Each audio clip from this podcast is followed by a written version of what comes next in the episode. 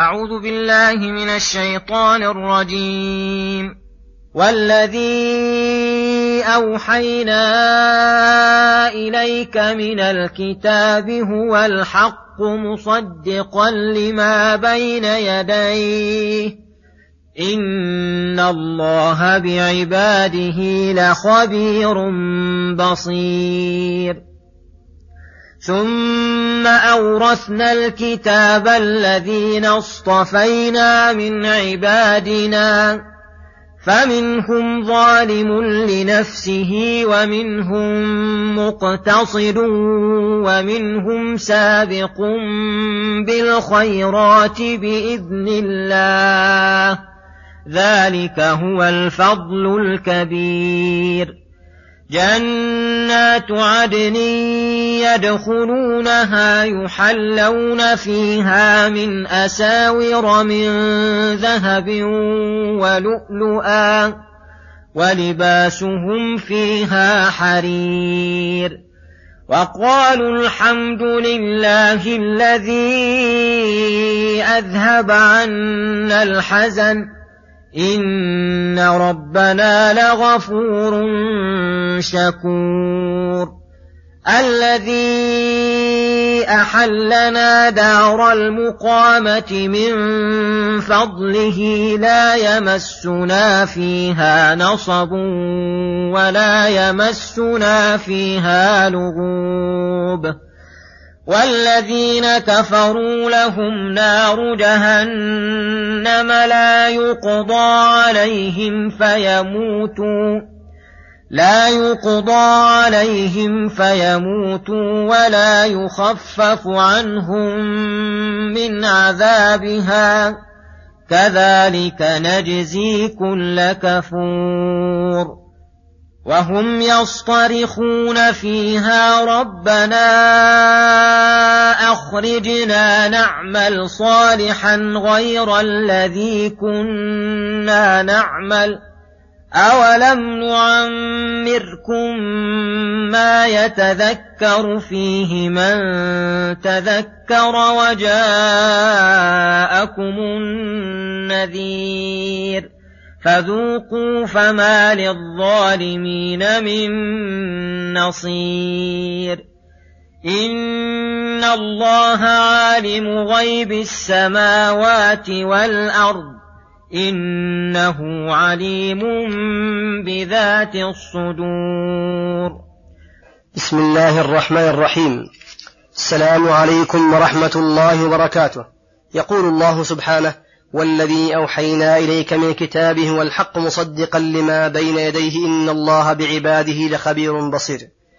يذكر تعالى أن الكتاب الذي أوحاه إلى رسوله هو الحق من كثرة ما اشتمل عليه من الحق وإحاطته بأصوله كأن الحق منحصر فيه فلا يكن في قلوبكم حرج منه ولا تتبرموا منه ولا تستهينوا به. إذا كان هو الحق لزم أن كل ما ما دل عليه من المسائل الإلهية والغيبية وغيرها مطابق لما في الواقع. فلا يجوز أن يراد به ما يخالف ظاهره. وما دل عليه مصدقا لما بين يديه من الكتب والرسل لأنها أخبرت به فلما وجد وظهر ظهر به صدقها فهي بشرت به وأخبرت وهو مصدقها ولهذا لا يمكن أحدا أن يؤمن بالكتب السابقة وهو كافر بالقرآن أبدا لأن كفره به ينقض إيمانه بها لأن من جملة أخبارها الخبر عن القرآن ولأن أخبارها مطابقة لأخبار القرآن. إن الله بعباده لخبير بصير. فيعطي كل أمة وكل شخص ما هو اللائق بحاله. ما هو اللائق بحاله. ومن ذلك أن الشرائع السابقة لا تليق إلا بوقتها وزمانها. ولهذا ما زال الله يرسل الرسل رسولا بعد رسول حتى ختمهم بمحمد صلى الله عليه وسلم. فجاء بهذا الشرع الذي يصلح لمصالح الخلق إلى يوم القيامة ويتكفل بما هو الخير في كل وقت. ولهذا لما كانت هذه الأمة أكمل أكملهم عقولا وأحسنهم أفكارا وأرقهم, وأرقهم قلوبا وأزكاهم نفوسا اصطفاهم تعالى واصطفى لهم دين الإسلام وأورثهم الكتاب المهيمن على سائر الكتب. ولهذا قال ثم أورثنا الكتاب الذين اصطفينا من عبادنا. وهم هذه الأمة فمنهم, ظالم لنفسه بالمعاصي التي هي دون الكفر ومنهم مقتصد مقتصر على ما يجب عليه تارك للمحرم ومنهم سابق بالخيرات. أي سرع فيها واجتهد فسبق غيره وهو المؤدي للفرائض المكثر من النوافل التارك للمحرم والمكروه. فكل مصطفاه الله تعالى لوراثة هذا الكتاب وإن تفاوتت مراتبهم وتميزت أحوالهم. فلكل منهم قسط من وراثته. حتى الظالم لنفسه فإنما معه من أصل الإيمان وعلوم الإيمان وأعمال الإيمان من وراثة الكتاب لأن المراد بوراثة الكتاب وراثة علمه وعمله ودراسة ألفاظه واستخراج معانيه. وقوله بإذن الله راجع إلى السابق إلى الخيرات لئلا يغتر بعمله بل ما سبق إلى الخيرات إلا بتوفيق الله تعالى ومعونته. فينبغي له أن يشتغل بشكر الله تعالى على ما أنعم به عليه.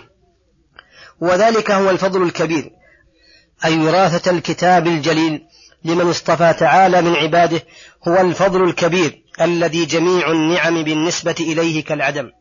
فأجل النعم على الإطلاق وأكبر الفضل وراثة هذا الكتاب. ثم ذكر جزاء الذين أورثهم كتابه فقال جنات عدن يدخلونها. أي جنات مشتملات على الأشجار والظل والظليل والحدائق الحسنة والأنهار المتدفقة والقصور العالية والمنازل المزخرفة في أبد لا يزول وعيش لا ينفد. والعدن الإقامة. فجنات عدن أي جنات إقامة. أضافها للإقامة لأن الإقامة والخلود وصفها ووصف أهلها. يحلون فيها من أساور من ذهب وهو الحلي الذي يجعل في اليدين على ما يحبون ويرون أنه أحسن من غيره الرجال والنساء في الحلية في الجنة سواء. ويحلون فيها لؤلؤا ينظم في ثيابهم وأجسادهم ولباسهم فيها حرير من سندس ومن استبرق أخضر. ولما تم نعيمهم وكملت لذتهم قالوا الحمد لله الذي أذهب عنا الحزن. وهذا يشمل كل حزن فلا حزن يعرض لهم بسبب نقص في جمالهم ولا في طعامهم وشرابهم ولا في لذاتهم ولا في أجسادهم ولا في دوام لبثهم. فهم في نعيم ما يرون عليه مزيدا وهو في تزايد أبد الآباد. إن ربنا لغفور حيث غفر لنا الزلات شكور حيث قبل منا الحسنات وضاعفها. وأعطانا من فضله ما لم تبلغه أعمالنا ولا أمانينا فبمغفرته نجوا من كل مكروه مرهوب. وبشكر وفضله حصل لهم كل مرغوب محبوب الذي أحلنا أي أنزلنا نزول حلول واستقرار لا نزول معبر واعتبار دار المقامة أي الدار التي تدوم فيها الإقامة والدار التي يرغب في المقام فيها لكثرة خيراتها وتوالي مسراتها وزوال كدوراتها وذلك الإحلال من فضله علينا وكرمه لا بأعمالنا فلولا فضله لما وصلنا إلى ما وصلنا إليه. لا يمسنا فيها نصب ولا يمسنا فيها لغوب. أي لا تعب في الأبدان ولا في القلب والقوى ولا في كثرة التمتع. وهذا يدل على أن الله تعالى يجعل أبدانهم في نشأة كاملة ويهيئ لهم من أسباب الراحة على الدوام ما يكونون بهذه الصفة بحيث لا يمسهم نصب ولا لغوب ولا هم ولا حزن. ويدل على أنهم لا ينامون في الجنة لأن النوم فائدته زوال التعب وحصول الراحة به وأهل الجنة بخلاف ذلك ولأنه موت أصغر وأهل الجنة لا يموتون جعلنا الله منهم بمنه وكرمه. ولما ذكر تعالى حال أهل الجنة ونعيمهم ذكر حال أهل النار وعذابهم فقال والذين كفروا أي جحدوا ما جاءتهم به رسلهم من الآيات وأنكروا لقاء ربهم لهم نار جهنم يعذبون فيها أشد العذاب وأبلغ العقاب. لا يقضى عليهم بالموت فيموتوا فيستريحوا ولا يخفف عنهم من عذابها. فشدة العذاب وعظمه مستمر عليهم في جميع الآناء واللحظات.